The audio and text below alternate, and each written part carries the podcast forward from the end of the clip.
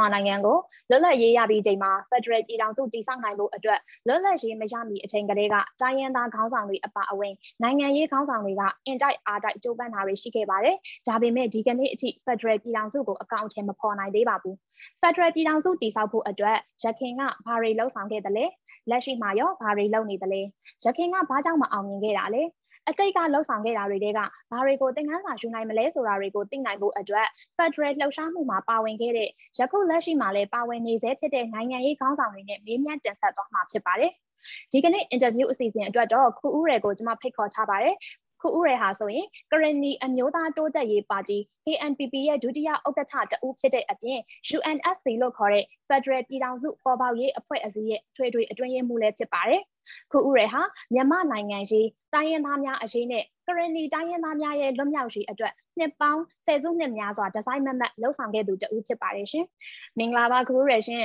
။ဟုတ်ကဲ့မင်္ဂလာပါ။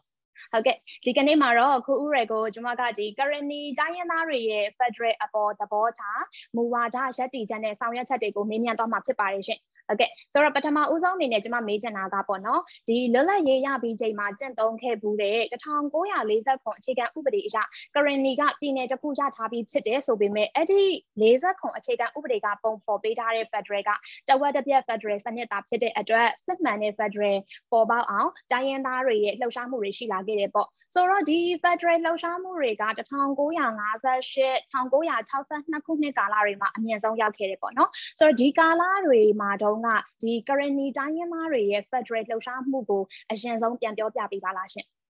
ဟုတ်ဟုတ်ကဲ့ပါအော်တိုးစပြေကတော့ကျွန်တော်တို့အနေနဲ့ federal သို့မဟုတ်လည်း federation ပေါ့နော်ဆိုတဲ့ဝါရ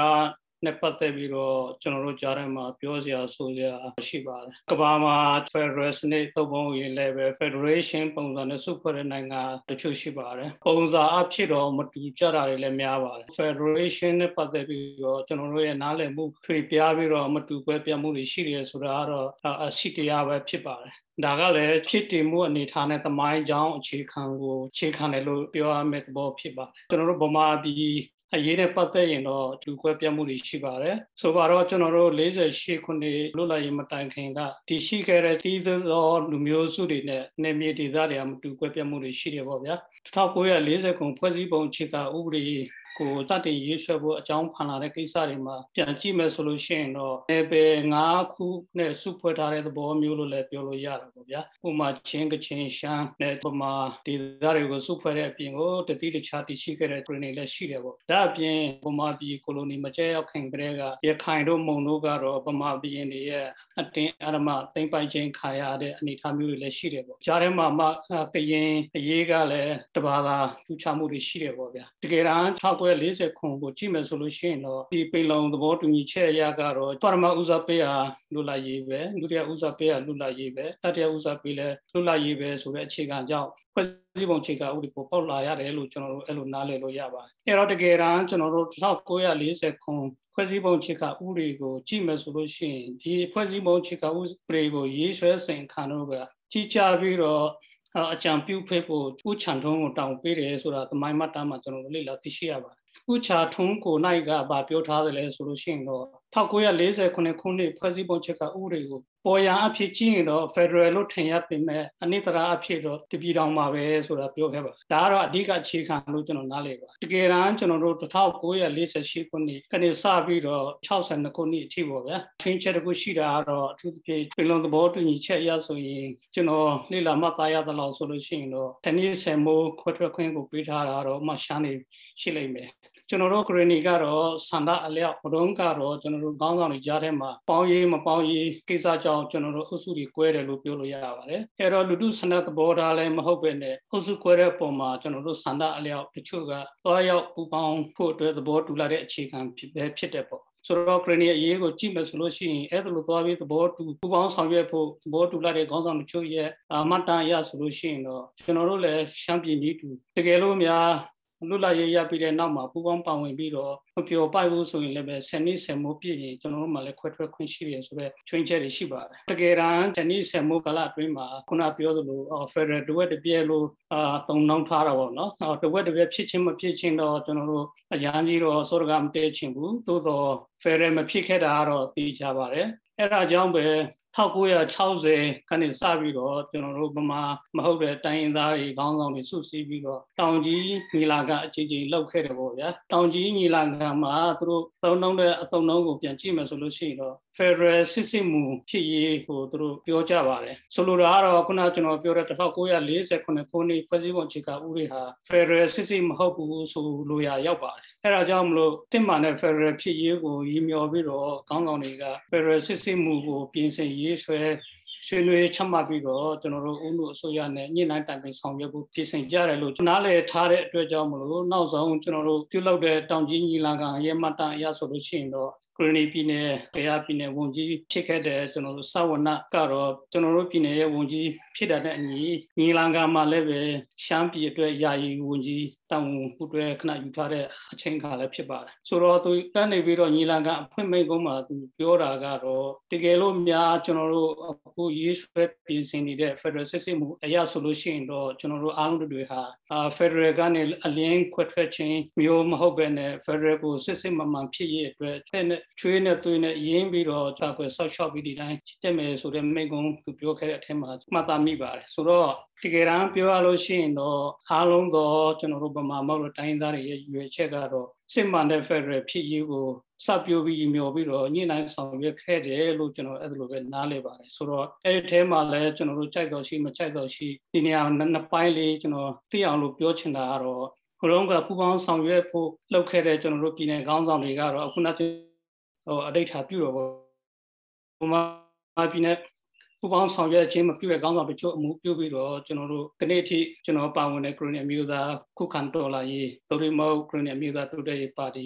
အဲ့ဒီကလေးအစောပိုင်းကလေးကအာလူလာရေးရပြီးခုနလ အလုံးမှာပဲအာလက်နက်ကန်ခုခံတော်လာရေးစတင်ပေါ်ပေါက်လာတယ်ဆိုတော့အဲ့ဒီတုန်းကပေါ်ပေါက်ခဲ့တဲ့ခုခံတော်လာရေးကနေ့ထိတရှိစေဖြစ်တယ်ပေါ့အဲ့ဒီတုန်းကခုခံတော်လာရေးရဲ့အခြေခံမူကတော့ Federal မဟုတ်ဘူးဗျလက်လူဆုံးရှုံးသွားရတဲ့ Grenade ပြည်ရဲ့တိချလူလာရေးကိုပြန်လဲရရှိရတဲ့ဒေါ်လာတိုက်ပွဲဝင်တယ်ဆိုတဲ့အခြေခံမူကတော့ကျွန်တော်တို့တက်ကြီး2000ထိရှိခဲ့ပါတယ်ဒါကတော့ကျွန်တော်တို့ဖက်က40ခုနဲ့ပတ်သက်ပြီးဟိုတုန်းကတရှိခဲ့တဲ့အနေအထားပါ ဟုတ်ကဲ့ပါရှင်ဆိုတော့ဒီ1960နှစ်ခုနှစ်ဒီစစ်တပ်ကအာဏာသိမ်းပြီးနောက်ပိုင်းပေါ့နော် Federal ပြည်ထောင်စုဆိုတာခွဲထွက်ရေးသားဖြစ်တဲ့အကြောင်းအချုပ်အခြာအာဏာပြုခွဲရေးသားဖြစ်တဲ့အကြောင်းဝါဒဖြန့်တာတွေလည်းရှိခဲ့ပါတယ်ရှင်ဆိုတော့အဲ့ဒီအချိန်တုန်းက currently တိုင်းရင်းသားတွေလက်ခံနားလည်ထားတဲ့ဟို Federal ပြည်ထောင်စုကကောဘယ်လိုမျိုးလဲလက်ရှိမှာပေါ့နော်လက်ရှိဒီ currently တိုင်းရင်းသားတွေလက်ခံနားလည်ထားတဲ့ Federal ပြည်ထောင်စုကကောဘယ်လိုမျိုးလဲရှင်ဒီနေရာမှာကတော့ကျွန်တော်တို့ currently လူမျိုး ခရနီအမျိုးသားတွေ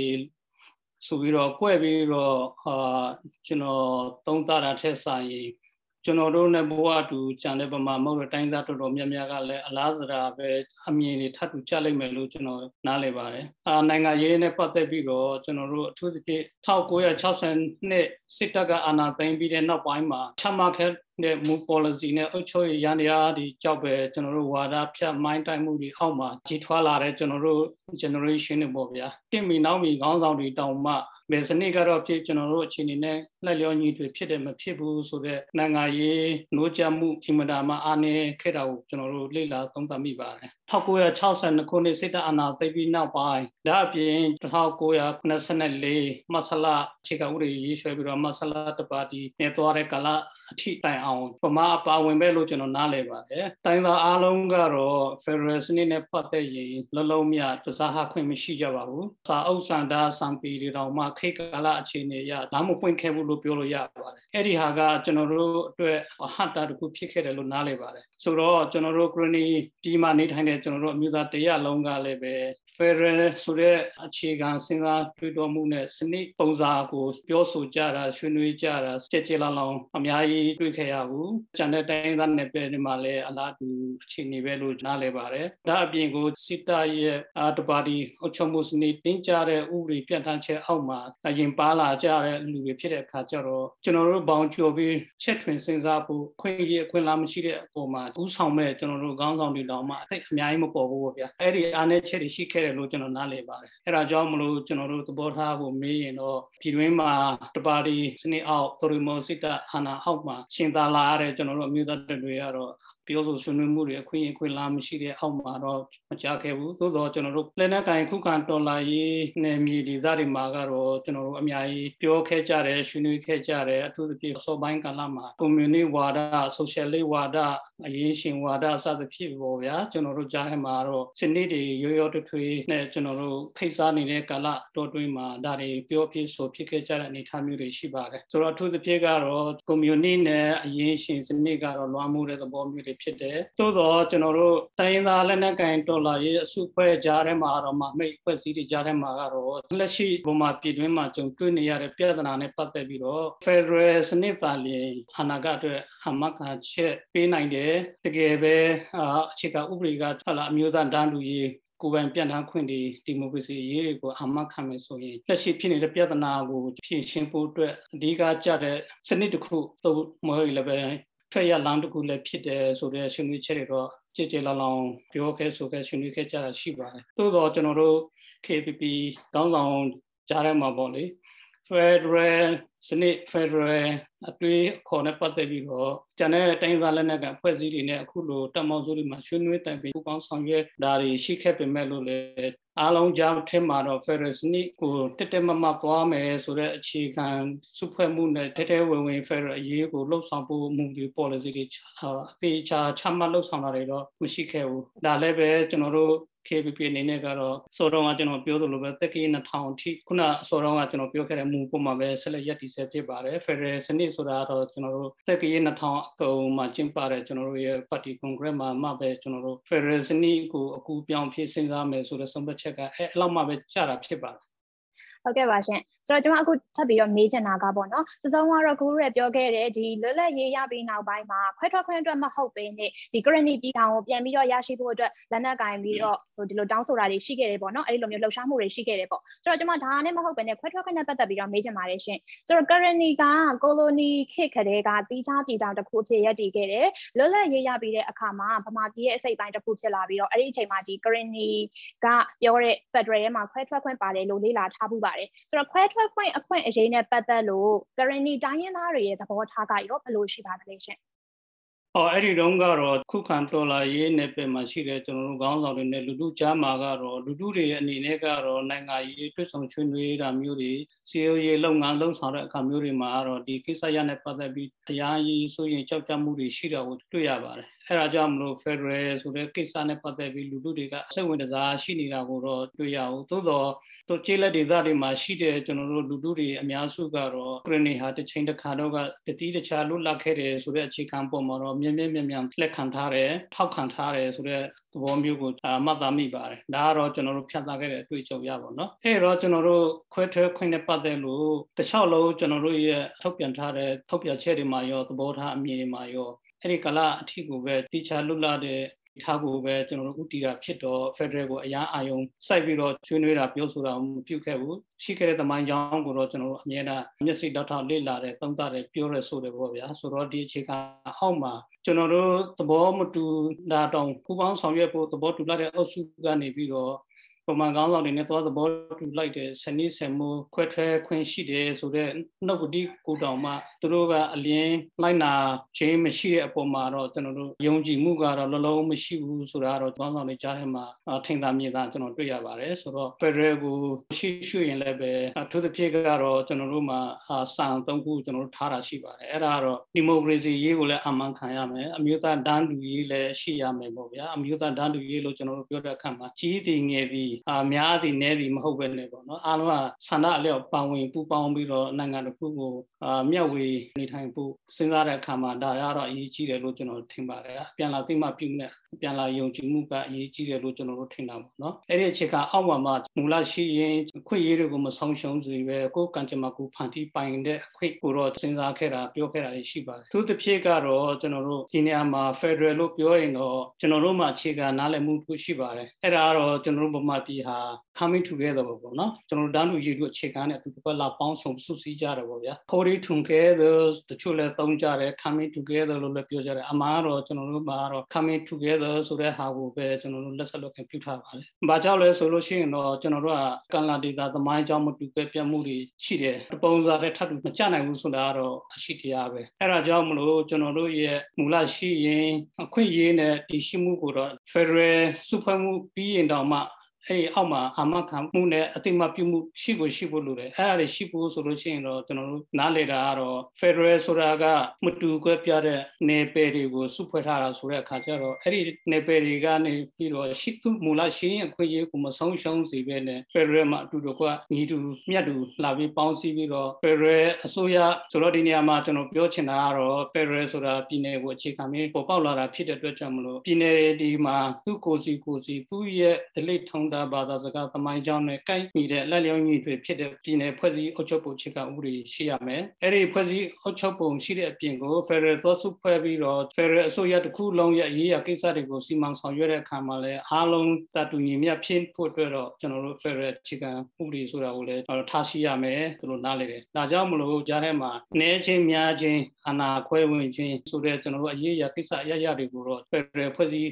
အုပ်ချုပ်ပုံချက်ကဥပဒေနဲ့ကျွန်တော်တို့ပြည်နယ်ဖွဲ့စည်းအုပ်ချုပ်ပုံချက်ကဥပဒေကြားထဲမှာထိန်းညှိပြီးတော့အမကချက်ပေးထားဖို့လိုပါတယ်ဒါကတော့လူတူချင်းစီရဲ့အခွင့်အရေးကိုရောပြည်နယ်အခုရဲ့အခွင့်အရေးကိုရောလူမျိုးတစ်မျိုးအမျိုးသားတရားရဲ့အခွင့်အရေးကိုပါအမခံရေယုံကြည်ကြည်နဲ့အတူတူကရှင်တွဲနေထိုင်နိုင်တဲ့ပုံစံပဲစနစ်ပဲလို့ကျွန်တော်တို့နားလည်ပါတယ် ဟုတ်ကဲ့ပါရှင်ဒီမြန်မာပြည်ရဲ့ Federal အကြောင်းကိုပြောလိုက်လို့ရှိရင်တိုင်းရင်းသားတွေရဲ့ကိုယ်ကံကြမ္မာကိုဆုံးဖြတ်ခွင့်ဆိုတဲ့ကိုပိုင်ပြဋ္ဌာန်းခွင့်က Federal နဲ့တွဲပြီးတော့ပါနေတယ်ဆိုတော့ဒီကိုပိုင်ပြဋ္ဌာန်းကိုပိုင်ပြဋ္ဌာန်းခွင့်နဲ့ပတ်သက်လို့ကောကရဏီတိုင်းရင်းသားတွေတနည်းအားဖြင့် KNPP ရဲ့သဘောထားကရောဘယ်လိုရှိလဲဆိုတာသိချင်ပါတယ်ရှင် ဟုတ်ကဲ့ Federal နဲ့ပတ်သက်ပြီးတော့သူစဖြစ်နိုင်ငံတကာကဖွဲ့စည်းပုံချက်ကဥပဒေပညာရှင်တွေနဲ့တော်တော်များများလည်းအများနည်းတူကာလရှည်ကြာလေ့လာမှတ်သားဖူးပါတယ်အထူးသဖြင့်ကတော့ set determination ဆိုတဲ့ကျွန်တော်တို့ရဲ့ကိုယ်ပဲပြန်တမ်းခွင့်ပေါ့နော်တချို့ကတော့ set determination ဆိုတာကတော့လွတ်လပ်ရေးနဲ့ထပ်တူပါပဲမကွာဘူးဆိုတဲ့သဘောမျိုးတွေလည်းပြောကြတာပေါ့ဗျာတကယ်တမ်းပြောရလို့ရှိရင်တော့ independent set determination ဆိုတဲ့စံတွေကိုတော့တိုင်းပြည်တစ်ခု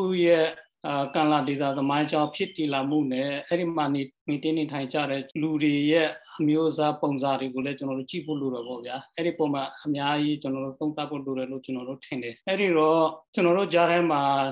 နေ့ကလာရှိကြဒီအပေါ်မှာပြောကြဆိုကြဆွေးနွေးမှုတွေတော့ရှိခဲ့တဲ့အပေါ်မှာနောက်ပိုင်းတွေမှာသုံးလုံးအခုနဲ့စဉ်းစားချက်တွေကိုတော့တယောက်နဲ့တယောက်ကြားထဲမှာအပြန်လာနားလည်မှုအကောင်းစေဖို့ယုံကြည်မှုတည်ဆောက်နိုင်ဖို့အတွက်ကိုမျှော်ပို့ပြီးတော့သုံးလုံးလေးတွေကိုကြောင်းခဲ့တာမျိုးတွေလည်းရှိပါတယ်အဲ့ဒါကတော့ဥမာ internal self determination ပေါ့နော် federal တွင်းကကိုယ်ပိုင်ပြတ်သားခွင့်ပေါ့ဗျာအဲ့တော့ federal အတွင်းကကိုယ်ပိုင်ပြတ်သားခွင့်လို့ပြောရင်တော့ခုနကျွန်တော်ပြောခဲ့တဲ့ federal ဖွဲ့စည်းပုံခြေကဥပဒေနဲ့ပြည်နယ်တွေရဲ့ဖွဲ့စည်းပုံခြေကဥပဒေနဲ့ပဲကျွန်တော်တို့ထိန်းကျောင်းအောင်မှာပဲဖြစ်တယ်ဒီနေရာမှာကျွန်တော်နည်းနည်းလေးချက်ပြီးပြောချင်တာကတော့ပြည်နယ်တစ်ခုနဲ့တစ်ခုဖွဲ့စည်းပုံခြေကဥပဒေလည်းထပ်တူမကြနိုင်ဘူး မှာကြောက်လဲဆိုပြည်နယ်တစ်ခုချင်းစီမှာနေထိုင်တဲ့ကျွန်တော်တို့လူထုတွေရဲ့သမိုင်းကြောင်းကလာဒေတာလိုအပ်မှုဒီကမတူညီကြပေါ့ဗျာနော်စသဖြင့်ပေါ့ဗျာနမတူကဲပြမှုတွေအများကြီးရှိပါတယ်အဲ့ဒါကိုတော့ကိုနီးကိုဟာနဲ့ပြည်နယ်ဖွဲ့စည်းပုံချက်ကဥပဒေမှာအသေးစိတ်ကျွန်တော်ရေးဆွဲပြန်ထမ်းပြီးတော့ဖက်ဒရယ်ချက်ကဥပဒေနဲ့ကျွန်တော်တို့ထိန်းကြီးရမှာပဲဖြစ်ပါတယ်ဒါကတော့ကျွန်တော်တို့အကျိုးတူ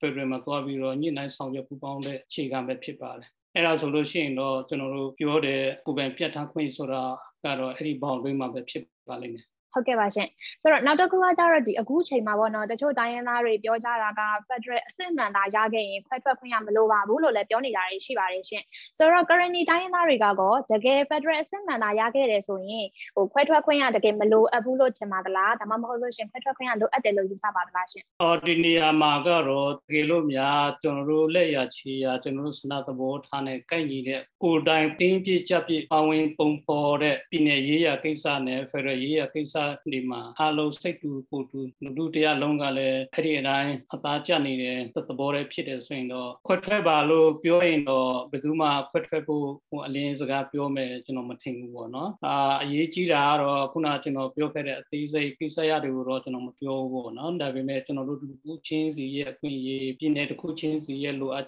ချက်နောက်ကျွန်တော်တို့ကြားထဲမှာဒန်းတူရေးတူဆိုတဲ့ခုနကျွန်တော်ပြောတဲ့အမျိုးသားဒန်းတူရေးဆိုတာအဓိကအဲ့ဒါပါပဲနောက်ပြီးတော့တခါကျွန်တော်တို့ကိုယ်ပဲပြတ်ထားခွင့်လို့ပြောတဲ့ရေးရကိစ္စအရရတွေမှာဖွဲ့စည်းပုံခြေခံဥပဒေအရသဘောတူလက်ခံထားတဲ့အခြေခံအောက်မှာတင်းပြကြပြကိုဟာနဲ့ကို လွတ်လွတ်လပ်လပ်စီမံခန့်ခွဲဆောင်ရွက်နိုင်တယ်။နောက် Federal နဲ့လည်းအသားကျအောင်သွားနိုင်တယ်ဆိုရင်တော့ဘယ်သူမှလည်းခွတ်ထွဲရေးဆိုတဲ့စကားလုံးရောခွတ်ထွဲဖို့ဆိုတဲ့စဉ်းစားချက်ရောအလိုလျော့ကြော်လွားပြီးသားဖြစ်လိမ့်မယ်လို့ကျွန်တော်ထင်တယ်။ဒါပေမဲ့ဒီနေရာမှာအရေးကြီးတာတစ်ခုကတော့1948ခုကနေစပြီးတော့ခဏအထိပေါ့နော်တစ်တာကနေတခြားလုံးကျွန်တော်တို့လူမျိုးကြီးဝါဒဆိုတဲ့အတွေးခေါ်ယူဆနဲ့လှုပ်ဆောင်ချက်တွေအများပြားအောက်မှာတိုင်းသားတွေကခက်ခါတည်တည်ပေါ့ဗျာကျွန်တော်တို့ဖြတ်သန်းခဲ့ရတဲ့အတွေ့အကြုံတွေရှိတယ်ပြောရရင်တော့ဒီခါတည်တဲ့ဖြတ်သန်းမှုတွေအပေါ်မှာတော့တိုင်းသားအားလုံးတွေကတော့လက်တွေ့တွေ့ကြုံခံစားဖြတ်သန်းခဲ့ရတာဆိုတော့ခုနေခါမှာပြည်ရပြည်ကြောင်းဒါကတော့ဟိုနောက်ကြောင်းမပြန်နဲ့လို့တော့ပြောရင်တော့သိမတရားဘူးလို့တော့ထင်တယ်ပေါ့နော်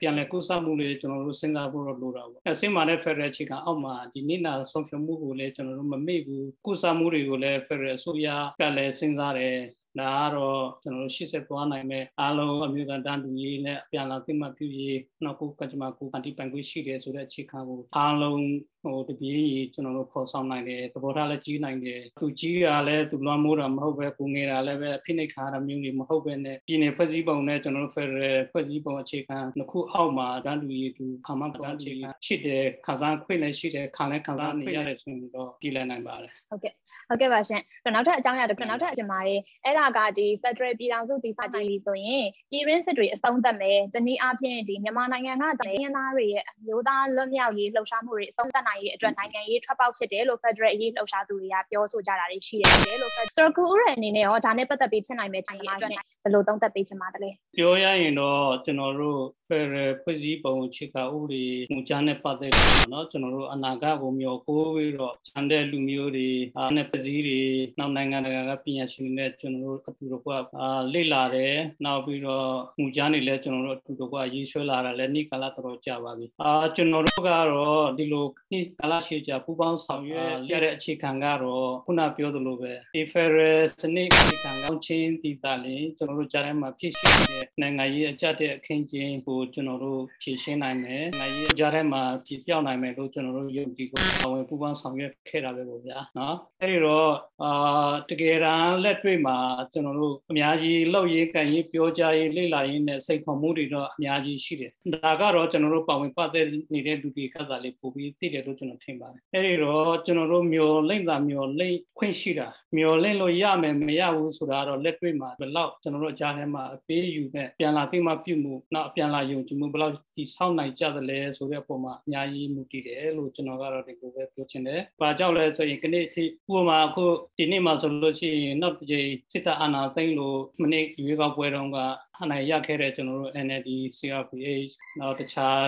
နိုင်ငံရေးပါတီအသီးသီးကလူပုဂ္ဂိုလ်ကောင်းကောင်းတွေနဲ့လည်းကျွန်တော်တို့အခုတက်တဲ့ဝင်စကားပြောကြတယ်တွေ့ဆုံကြတယ်ညှိနှိုင်းကြတယ်ပေါ့ဗျာဆိုတော့အာတကယ်တမ်းပြောရရင်တော့ကျွန်တော်တို့စကားအဖြစ်မူအဖြစ်တော့တချို့ကိစ္စရတွေမှာတော့သဘောတူလက်ခံတယ်လို့ပြောပေမဲ့လက်တွေ့မှာဘာမှသက်တည်တဲ့ခံပြပြီးကျွန်တော်တို့မလုပ်ဆောင်နိုင်သေးတော့ခုချိန်မှာလည်းပဲ Ferris စနစ်ဒေတာလေးပြဿနာကိုချုပ်ငြင်းနိုင်တယ်ခုလက်ရှိကျွန်တော်တို့ခုကန်တော်လာရေးတိုက်ပွဲကိုလည်းအဆုံးသတ်သွားနိုင်တယ်လို့ကျွန်တော်တစ်ထိချပြောဖို့တော့နည်းနည်းစော်သေးတယ်လို့ပဲကျွန်တော်ရိုးသားပြောပြရစီ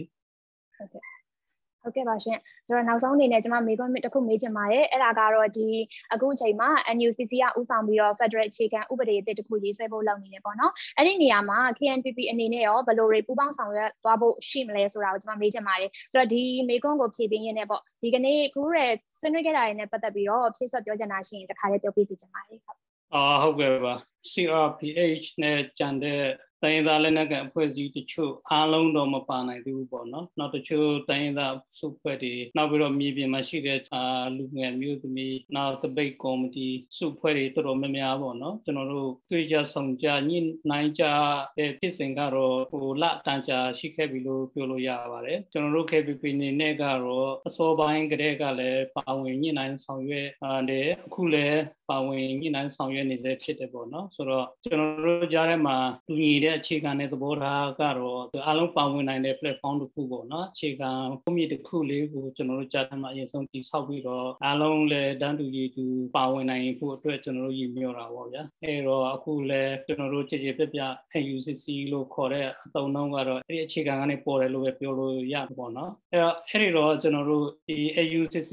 ကိုကျွန်တော်တို့ platform တစ်ခုအနေနဲ့အားလုံးကြားထဲမှာစိတ်တူကိုတူသဘောတူချမှတ်ပေါ်ဆောင်ပြီးတဲ့နောက်မှာမှမူတွေကိုအကောင့်ထဲပေါ်ဖို့အတွက်အားလုံးသိနေတဲ့ AUG ကိုစုဖွဲ့ဖို့ပဲဖြစ်ပါတယ် AUG မှာတော့ဒါလုပ်ငန်းဆောင်တာတွေကိုအကောင့်ထဲပေါ်မဲ့ဟိုအစိုးရတံပေါ့ဗျာအဲ့ဒါလိုပဲကျွန်တော်တို့တွေ့တော့ခဲ့ကြတာဖြစ်ပါတယ်ဒါပေမဲ့တကယ်တမ်းလက်တွေ့ AUCC ကိုတရားဝင်စုဖွဲ့နိုင်ဖို့အတွက်ညှိနှိုင်းဆွေးနွေးတဲ့အခါမှာအဓိကကြတဲ့ဖြစ်စဉ်လေးတွေကိုကာလနဲ့တိုင်းတာပြီးဆွေးနွေးဖြစ်ခဲ့ကြပါတယ်အဲ့ဒါကတော့ကြားကာလနောက်ပြီးတော့အသွင်ကူးပြောင်းရေးကာလနောက်ပြီးတော့အသွင်ကူးပြောင်းရေးကာလလုံသွားရင်တော့ federal စနစ်အစစ်မှန်ပေါ်ပေါက်မဲ့ကာလပေါ့ဗျာအာအဲ့ဒါလိုကာလသုံးခုကိုကျွန်တော်တို့မျိုးခေါ်ပြီးတော့ဒီတော့ဆွေးနွေးခဲ့ကြတဲ့အနေအထားရှိပါတယ်အဲ့တော့ဂျာကာလအတွက်ကျွန်တော်တို့စဉ်းစားတဲ့အခါမှာရောအသွင်ကူးပြောင်းရေးကာလအတွက်ပါစဉ်းစားရင်းနဲ့အနာဂတ်ကိုလည်းစနစ်ကျပုံစံဖော်နိုင်ဖို့အတွက် မူလတကယ်တမ်း FCDC ကရည်ရွယ်ခဲ့တဲ့အဲ့ဒီအနာဂတ်ဆိုင်ရာဆိုတဲ့ဖွဲ့စည်းပုံအခြေခံဥပဒေမှာတော့အခန်း14ခန်းပါတာပေါ့ဗျာအဲ့ဒီ14ခန်းကိုပဲကျွန်တော်သုံးသပ်မှုတွေလုပ်ပြီးတော့ကျွန်တော်တို့ UFC မှာတော့အခန်းတစ်ခန်းတိုးပြီးတော့ကလန်ဒေတာနဲ့လက်လက်မြစ်ချီဖြစ်မဲ့တချို့သောအကြောင်းအရာပုံမှန်တွေကိုလည်းကျွန်တော်တို့မတိမသာလေးပြုပြင်ဟောမုံမှလိုက်တာတွေလည်းရှိပါတယ်နောက်တစ်ခါကျွန်တော်တို့အာ EU တွေကြားထဲမှာပဲကျွန်တော်တို့တတိတခြားဒီနေ့ပြောင်းလဲလာတဲ့နိုင်ငံရေးအခင်းချင်းအောက်မှာလည်းသင်္ကန်းသိမ့်တဲ့အကြောင်းအရာတချို့ကိုလည်းထိဆွဲပြီးတော့ဖွဲ့စည်းပုံချက်ကဥပဒေဆိုင်ရာ principle တွေပေါ့ဗျာနမူသဘောထားတွေကိုကျွန်တော်ရေးတာတွေရှိပါတယ်အဲ့ဒီဟာတွေအားလုံးပါဝင်တဲ့ကျွန်တော်တို့ရဲ့သဘောထားတွေကို AUCC ဆွေးနွေးပွဲတွေမှာတင်ပြဆွေးနွေးညှိနှိုင်းရင်းနဲ့အခုကျွန်တော်တို့အားလုံးကြားနေတဲ့ဟို charter ပေါ့ဗျာ charter part 1 part 2အဲ့ဒါတွေနဲ့ပဲကျွန်တော်တို့ဟိုအခြေခံပြီးစုစည်းထားကြတာရှိပါတယ်။ ဒါမဲ့တကယ်တမ်းဖွဲ့စည်းပုံခြေကဥပဒေတရားကိုပေါ့ဖို့ဆိုရင်တော့အခြေခံသဘောထားမူရည်တည်ချက်တွေကိုတော့ကလန်ဒီသာဟိုကျွန်တော်တို့ချိန်ထုတ်ကြည့်ဖို့လိုမယ်။နောက်ကျွန်တော်တို့အုပ်စုချင်းချင်းကြားမှာလိုအပ်မှုတွေကိုလည်းကျွန်တော်တို့ရှာဖွေရမယ်ပေါ့ဗျာနော်။ဟိုနဲ့နဲ့ချွတ်ချွတ်ထဲထဲဝင်တော့ကျွန်တော်တို့ကြည့်ဖို့တော့လိုလိုက်မယ်လို့တော့ကျွန်တော်ထင်တယ်ပေါ့။တချို့ကလည်းအကြံပေးပါတယ် FCDCC ကနေ့ကာလရှိကြတပိန်တပန်းကြီးပညာရှင်တွေနဲ့ မူကြမ်းရေးဆွဲထားခဲ့တာဆိုတော့ဒီကြားကာလမှာတော့ကျွန်တော်တို့ယာယီဖွဲ့စည်းပုံခြေကောက်တွေအနေနဲ့တန်းပြီးတော့အသုံးပြုလိုက်ဖို့လည်းကြံပေးတာတွေရှိပါတယ်။ဒါပေမဲ့တကယ်တမ်းအချင်းချင်းအုပ်စုတွေကြားထဲမှာတော့ဒီမူကြမ်းကအားလုံးအသာပြပြီးဟိုတပုံစံတဲ့နားလည်သဘောတူလက်ခံထားတဲ့အခြေအနေမရှိသေးတဲ့အတွက်ကြောင့်မလို့လောလောဆယ်ကြားကာလမှာရောအသွင်ကူပြောင်းရေးကာလမှာပါတန်းပြီးအသုံးပြုလိုက်ဖို့ဆိုတာတော့နည်းနည်းလေးစိတ်ခေါ်မှုရှိပါတယ်။ဒါကိုလည်းကျွန်တော်တို့ကြားထဲမှာညှိနှိုင်းပြီးဆောင်ရွက်နေကြပါတယ်။အာဒီညှိနှိုင်းဆောင်ရွက်တဲ့ဖြစ်စဉ်မှာတော့ကျွန်တော်တို့လည်းပါပါတယ်ဟိုပြောချင်တာလည်းထက်ပြောပေးပါဆိုတော့ကျွန်တော်တို့ဟိုမှာဒီရဲ့အနေထားကိုကြည့်ပြီးတော့တိုင်းပြည်စုဖွဲ့မှုနဲ့နေထိုင်တဲ့လူမျိုးတလေးသဘောတဘာဝအားလုံးကိုကြည့်မယ်ဆိုလို့ရှိရင်တော့ Federation အခြေခံစဉ်းစားချက်နဲ့သုံးသပ်မယ်ဆိုလို့ရှိရင်တော့လူမျိုးတွေကိုအခြေခံပြီးတိုင်းပြည်တည်ထောင်တဲ့ပုံစံတွေနဲ့နေမြေတွေကိုအခြေခံပြီးတော့တိုင်းပြည်ကိုစုဖွဲ့တဲ့အနေထားမျိုးကြားထဲမှာတော့ကျွန်တော်တို့နည်းနည်းရှင်းသိမ်းနေပို့တော့လိုတယ်လို့ကျွန်တော်ထင်တယ်။ အဲဒီအပေါ်မှာမရှင်းသိမ်းတော့ Federal Democracy ဒီမိုကရေစီဖက်ဒရယ်ဆိုတဲ့ဝါဒနှလုံးသားမှာဒေါ်ဟာဖြစ်ပြီးတော့ဝိဝါဒကွဲပြီးတော့ကျွန်တော်တို့ညှိကြခုံကြပြောကြဒီမိုကရေစီရှိရပါပြီဖက်ဒရယ်မလိုပါဘူးပြောတဲ့လူလည်း ရှိတယ်ပေါ့ဗျာတချို့ကလည်း Federal ဆိုရင်လည်းပြီးတာပါပဲဆိုတဲ့ဟာမျိုးတွေလည်းရှိတယ်ပေါ့အဲတော့ Federal ကအရင်လာသလားဒီမိုကရေစီကအရင်လာသလားဆိုတဲ့မိန့်ခွန်းတွေလည်းရှိတယ်ပေါ့ဗျာကျွန်တော်ရဲ့အမြင်ကတော့ Federal နဲ့ Democracy နှစ်ခုစလုံးကတော့ကျွန်တော်တို့အတွက်လိုအပ်တာဖြစ်တော့ Federal ပဲအရင်လာလား Democracy ပဲအရင်လာလား Democracy နဲ့ Federal ကိုဘယ်လိုလက်ခံထားလဲဆိုတဲ့အခြေခံပုံမှာပဲမူတည်လိုက်မယ်လို့ကျွန်တော်ကတော့ထင်တယ်အဲတော့ဗမာပြည်ကတော့လူမျိုးတွေကိုအခြေခံပြီးစုဖွဲ့ထားတဲ့နိုင်ငံလို့ကျွန်တော်နားလည် အာစီဘူချုပ်တွေတော်တော်များများကသူတို့စိုးရိမ်မှုတွေရှိတယ်ဥပမာယူဂိုစလာဗီးယားတို့ဆိုဗီယက်ယူနီယံပြိုကွဲတာမျိုးတွေကိုသူတို့စိုးရိမ်နေစသဖြင့်ပေါ့ဗျာဒါပေမဲ့ဟိုနိုင်ငံတွေရဲ့ဖြစ်တည်မှုကမတော်လို့လည်းမတူရေခံမြေခံစုဖက်မှုအာမတူတဲ့အပေါ်မှာတော့တထတဲ့ကြအောင် copy paste လုပ်ပြီးတော့ပြောနေကြတော့မလို့လို့ကျွန်တော် Federation အခြေခံနားလည်မှုနဲ့စကားချက်ကိုတော့ကျွန်တော်တို့ရဲ့ပကတိအခြေအနေနဲ့ပဲကျွန်တော်တို့ချိန်ထုတ်ပြီးနားလည်ရမယ်လို့ကျွန်တော်ပြောချင်တာအဲ့ဒါပါ အဲ့တော့ကျွန်တော်တို့မမပြည်ကတော့ချုပ်ပြီးကျွန်တော်ပြောလို့တာကတော့လူမျိုးတွေပြောနေမြေတွေကိုပါအကြောင်းပြုပြီးစုဖွဲ့ကြတာဆိုတော့ coming together ဖြစ်တယ်အဲ့တော့ကျွန်တော်တို့ကတန်းတူရေးလူအခြေခံအောက်မှာသူတို့ကလာပြီးတော့အားလုံးနိုင်ငံတစ်ခုလုံးရဲ့အရေးအရာကိစ္စကိုသူတို့က